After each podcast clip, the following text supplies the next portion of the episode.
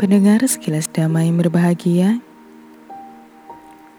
tidak melakukan segala kejahatan, meningkatkan kebajikan, memurnikan batin sendiri.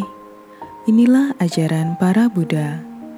Demikian penggalan Dhamma pada ayat 183.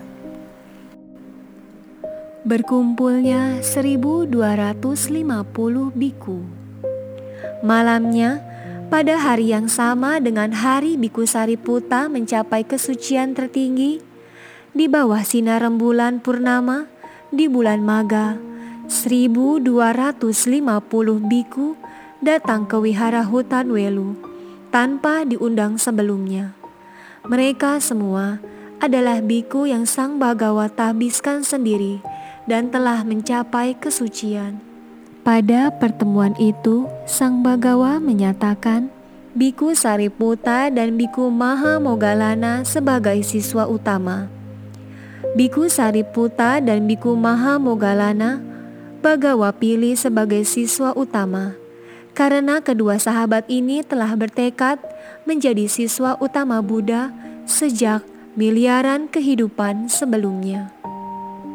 Sang Bagawa lalu mengucapkan syair yang kemudian dikenal dengan Oada Pati Moka. Kesabaran dan pemaafan adalah tapa tertinggi. Nibana adalah yang tertinggi, sabda para Buddha. Sesungguhnya orang yang menjalani hidup suci tidak menyakiti yang lain. Seorang petapa tidak menindas yang lain, tidak melakukan segala kejahatan, meningkatkan kebajikan, memurnikan batin sendiri. Inilah ajaran para Buddha. Tidak mencaci, tidak menyakiti, terkendali sesuai pati muka, makan secukupnya tinggal menyendiri, tekun meluhurkan batin, inilah ajaran para Buddha.